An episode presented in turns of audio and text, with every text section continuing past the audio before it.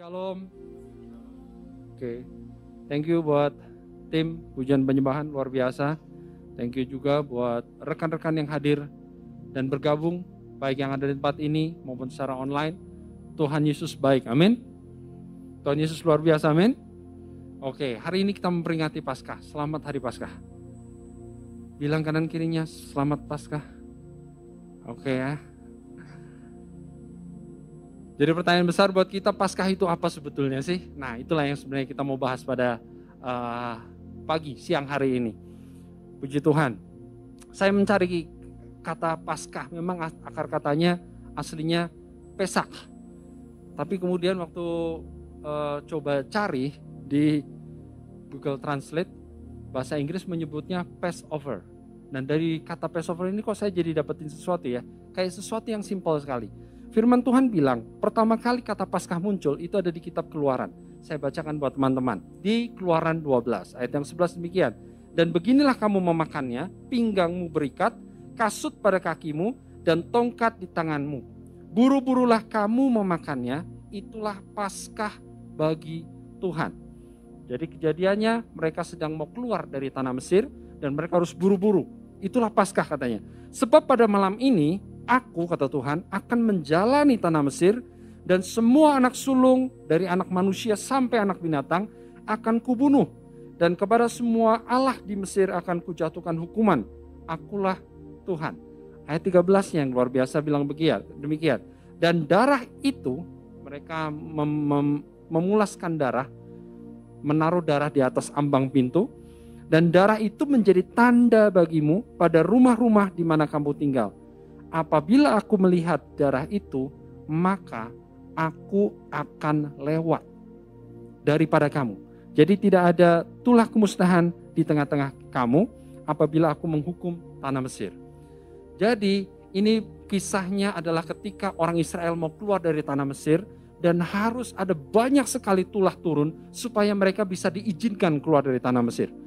Dari satu tulah ke tulah berikutnya mereka tetap aja keras kepala dan sampai ke titik terakhir Tuhan bilang ini tulah terakhir dan anak-anak sulung akan mati.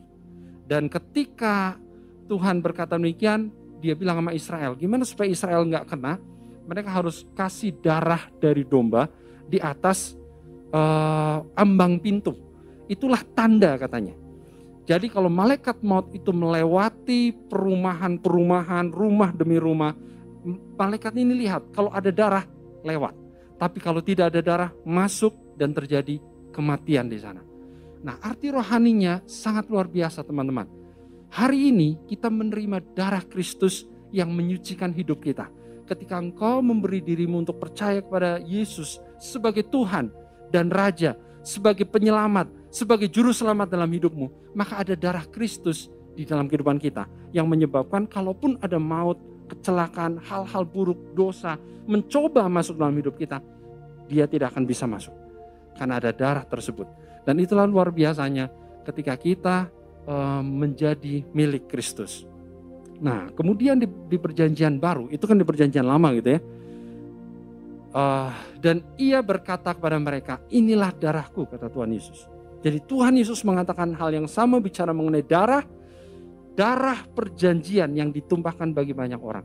Jadi di perjanjian lama ada darah domba yang disembelih ditaruh di atas pintu menjadi tanda mau tidak bisa masuk. Di perjanjian baru Tuhan Yesus sendiri memberikan darahnya kepada kita supaya maut jangan masuk di dalam kehidupan kita. Nah teman-teman, apakah engkau sudah menjadikan Yesus sebagai Tuhan dan Raja dan Juru Selamat dalam hidupmu? Kalau engkau sudah, maka engkau memiliki darah tersebut. Tapi kalau engkau belum menjadikan Yesus sebagai Tuhan dan Raja dalam hidupmu, ini kesempatan terbaik. Buka hatimu lebar-lebar dan undang dia masuk dalam hidupmu. Menjadi Yesus menjadi Tuhan dan Raja dan penguasa dalam hidup saudara. Amin. Dengan demikian, kau akan mengalami keluputan. Nah, eh, dua hari lalu disebut Jumat Agung, pas hari Jumatnya ya. Jadi saya dapetin uh, ada teman yang ngirim ini. Selamat hari Jumat Agung. Dan di situ ada satu ayat yang luar biasa. Tidak ada kasih yang lebih besar daripada seorang yang memberikan nyawanya untuk sahabat-sahabatnya. Pertama, apa itu Paskah? Paskah adalah ketika Yesus mati dan bangkit.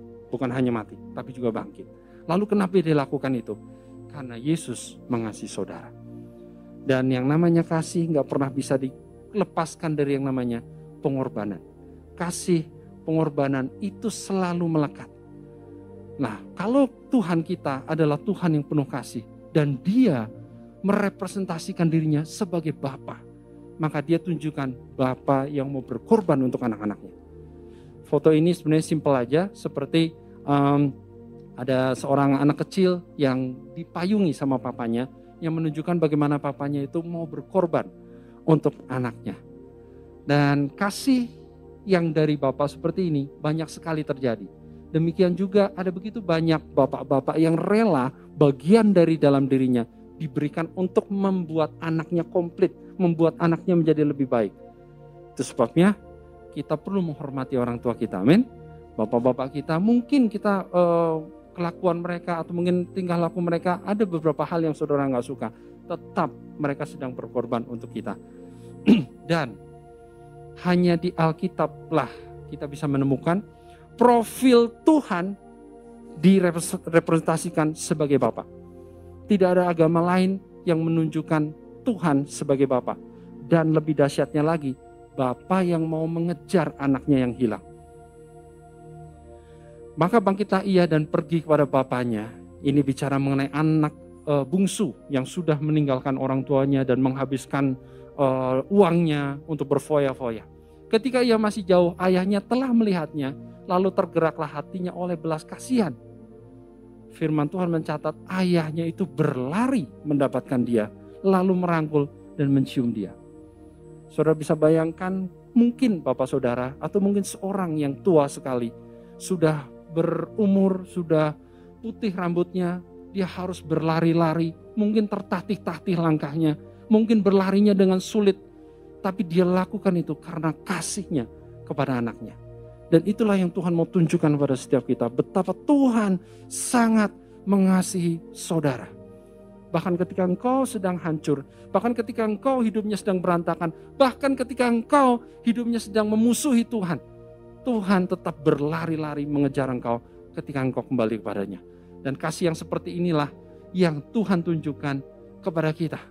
Dan dia bahkan Yesus datang, dia rela memberikan nyawanya kepada kita. Dan itulah yang luar biasa dari Paskah.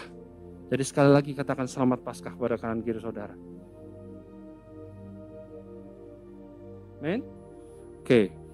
Nah dari situ kita sama-sama mau belajar supaya jangan cuma sekedar tahu Paskah dan kenapa Tuhan melakukannya.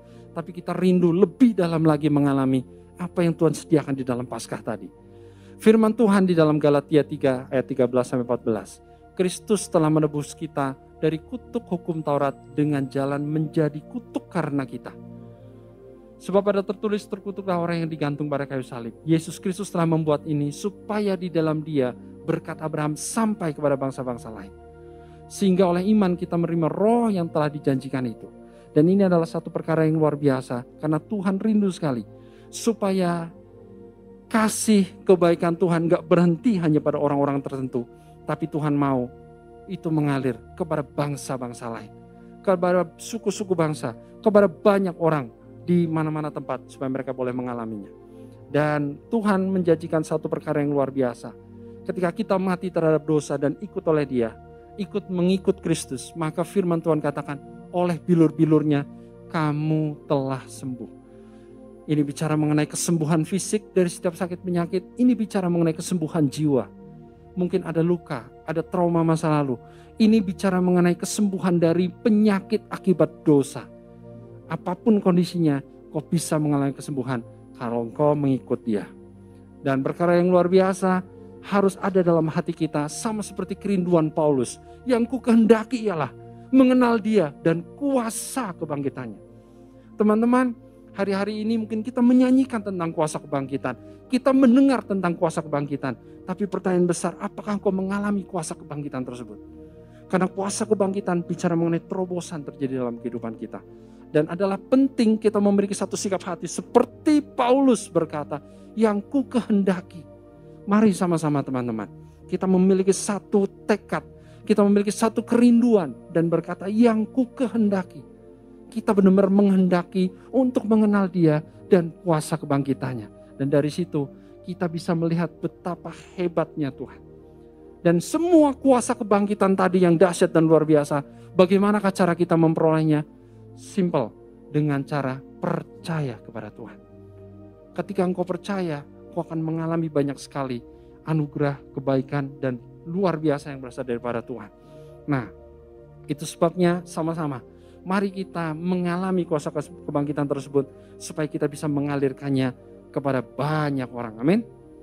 Sebentar kita akan dengarkan uh, Joshua akan share, tapi sebelumnya sedikit lagi saya akan share satu perkara yang luar biasa. Kita memperolehnya dengan percaya. Oke? Okay? Nah, ketika kita percaya, kita perlu senantiasa sadar akan kehadiran Tuhan dalam hidup kita. Ada satu film pendek, uh, dokumenter mungkin ya, uh, tentang seekor anak beruang di sebuah gunung. Anak beruang ini mungkin dia main terlalu jauh di pinggiran sungai, asik sendiri, sampai dia sadar ada seekor singa gunung yang mengamati dia. Dan waktu dia lihat anak beruang ini sendirian, singa ini mulai merayap dan mulai mengejar. Dan anak beruang ini lari begitu rupa. Lari ke sebuah batang pohon di atas sungai. Dan dia lari ke sana terpojok. Batang pohonnya patah, dia jatuh ke dalam sungai. Jatuh ke sungai berenang sepanjang tepiannya diiringi sama singa gunung ini. Karena dia tahu tinggal ambil aja. Di satu tempat di mana ada batu-batu, dia bisa menghadang dari tengah. Singa gunung ini udah siap di tengah. Ketika anak beruang itu datang, dia cakar. Dan anak beruang ini menghindar sedikit. Menghindar dia lari lagi. Lari lagi sampai akhirnya terpojok di sebuah batu. Tapi tiba-tiba singa beruang ini berhenti dan mundur teratur. Ternyata di belakang anak beruang ini ada mama, ada ada beruang orang tuanya yang badannya jauh lebih besar. Dan itu membuat singa itu mundur. Teman-teman, dalam kehidupan kita, kita mungkin mengalami ada ketakutan, ada kesulitan, ada persoalan.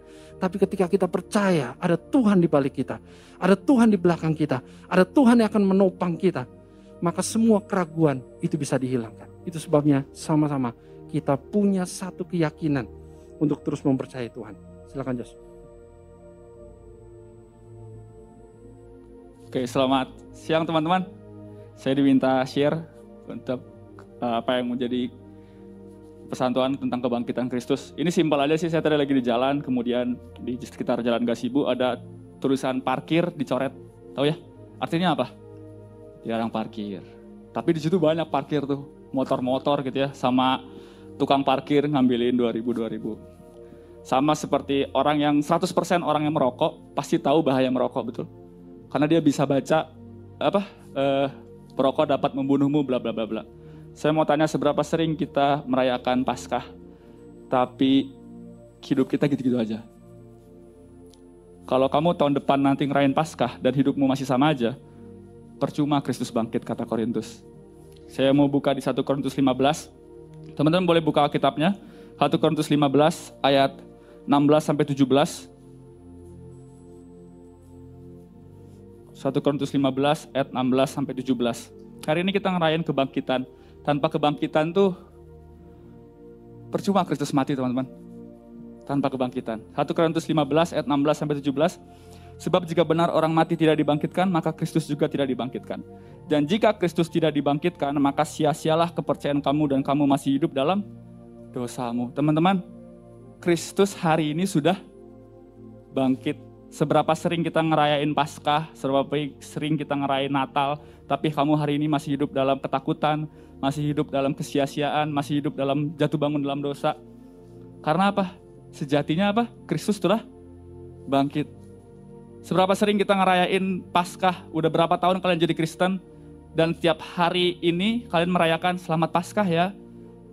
Kristus telah bangkit, Kristus telah bangkit, Kristus telah bangkit. Tapi pertanyaannya, kebangkitan Kristus itu kamu alami nggak? Karena kalau Kristus bangkit, harusnya hidupmu tahun ke tahun tuh nggak biasa-biasa aja. Yang mungkin tahun lalu kau merasa dalam tekanan, tapi ketika kau mengalami kuasa kebangkitan Kristus, kau bisa bebas melayani Tuhan, bebas memuji, menyembah Tuhan.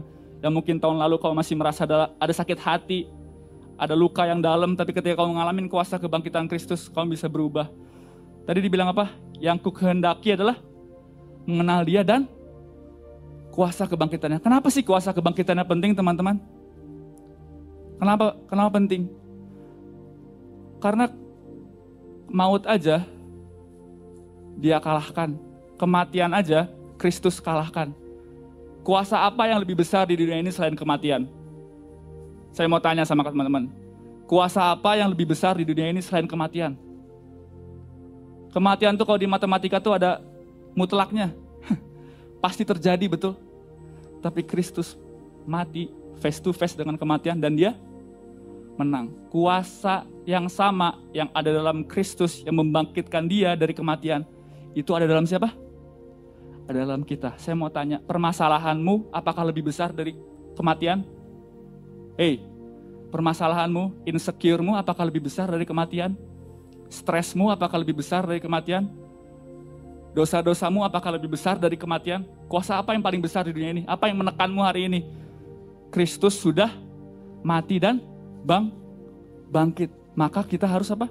Mengalami kuasa kebangkitan. Caranya apa? Caranya nggak ada yang lain teman-teman. Buka hati teman-teman, bilang saya nggak mau sama paskah tahun depan. Saya nggak mau sama dengan diri saya hari ini. Amin. Kita tiap tahun ngalamin paskah, ngerayain paskah. Mungkin ada yang posting juga di Instagramnya. Selamat paskah. Tuhan Yesus mati buat teman-teman. Tapi kenyataannya tadi, apakah kita mengalami kuasa kebangkitan Kristus? Ketika kita mengalami, ketika kita sadar, mengalami kuasa kebangkitan Kristus, saya mau bilang, pengharapan kita di dalam dia sangatlah besar. Karena apa? Kematian aja dia kalahkan. Apalagi setiap mimpi-mimpimu yang mungkin hari ini terkubur. Mungkin kamu latar belakangnya A, B, C, D, tapi kamu bilang, aduh kayaknya saya nggak mungkin deh punya pengharapan. Saya mau bilang teman-teman, Kristus mengalahkan maut. Kuasa yang sama yang mengalahkan maut ada dalam setiap diri kalian. Ada dalam setiap diri adik-adik semua di tempat ini. Ada dalam diri dalam setiap saya dan engkau. Jadi kita alamin kuasa kebangkitan itu supaya apa? Supaya kita punya pengha pengharapan. Kenapa kita nggak punya pengharapan? Karena kita nggak sadar bahwa Kristus telah bangkit. Dia nggak cuma mati, dia juga bangkit. Dia mengalahkan maut, dia mengalahkan kematian. Apa sih yang lebih besar dari kematian? Saya mau tanya. Ada yang pernah ngalamin kematian? Pertanyaan bodoh ya. Makanya teman-teman di sini semua. Ada yang pernah ngalamin kematian? Belum pernah kan? Takut mengalami kematian? Teman-teman, Kristus sudah mengalahkan kematian dan kuasa yang sama yang membangkitkan dia hari ini 2020 tahun yang lalu, 2021 tahun yang lalu. Itu ada dalam diri kita. Saya mau tanya, adakah mimpi-mimpimu yang terlalu susah untuk Tuhan kerjakan? Adakah pengharapanmu yang terlalu sulit untuk Tuhan ubahkan? Adakah dosa-dosamu, keterikatanmu yang terlalu sulit untuk Tuhan hancurkan, Tuhan patahkan? Gak ada. Karena apa? Kristus telah bangkit sebab dia hidup. Nah, saya suka nih kalau esok sebab dia hidup. Ku tak tak gentar. Karena apa? Karena aku tahu dia pegang hari esok. Hidup jadi apa? Hidup jadi berarti sebab dia hidup. Segala kemuliaan, segala puji hanya untuk Tuhan. Kristus telah bangkit. Amin.